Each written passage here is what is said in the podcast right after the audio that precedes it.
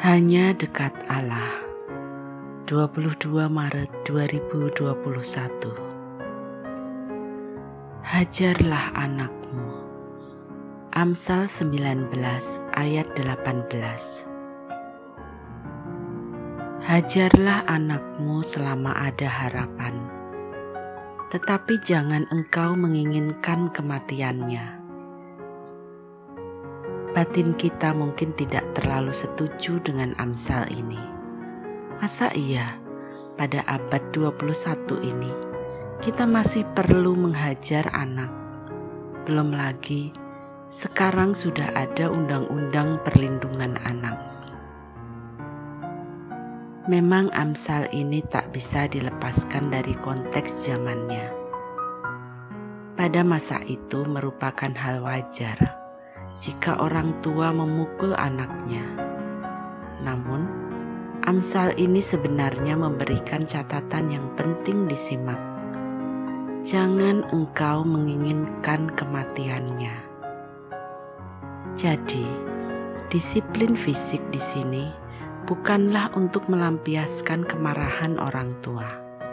Sekali lagi, itu pun dilakukan karena orang tua masih merasa ada harapan. Sekali lagi, bukan karena rasa putus asa orang tua, tetapi karena orang tua masih memiliki harapan bahwa anaknya akan berubah ke arah yang lebih baik. Dalam Alkitab Bahasa Indonesia masa kini tertera, "Tertibkan anakmu." Selama masih ada harapan. Kalau tidak, berarti kau menginginkan kehancurannya. Tujuannya bukanlah menghancurkan anak, tetapi untuk menertibkannya. Bagaimanapun, anak-anak perlu belajar hidup tertib.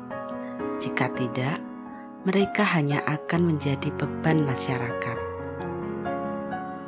Hidup memang ada aturannya Itulah yang penting disampaikan orang tua kepada anak-anak mereka.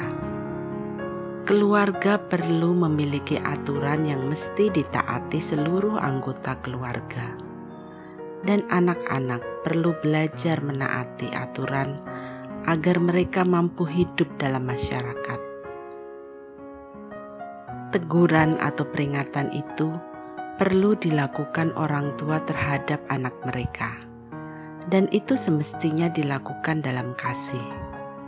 Dalam Efesus 6 ayat 4 Paulus menulis, Dan kamu, bapak-bapak, janganlah bangkitkan kemarahan di dalam hati anak-anakmu, tetapi didiklah mereka di dalam ajaran dan nasihat Tuhan. Jika tidak, kita akan kehilangan anak-anak kita. Salam semangat dari kami literatur perkantas nasional, sahabat Anda bertumbuh.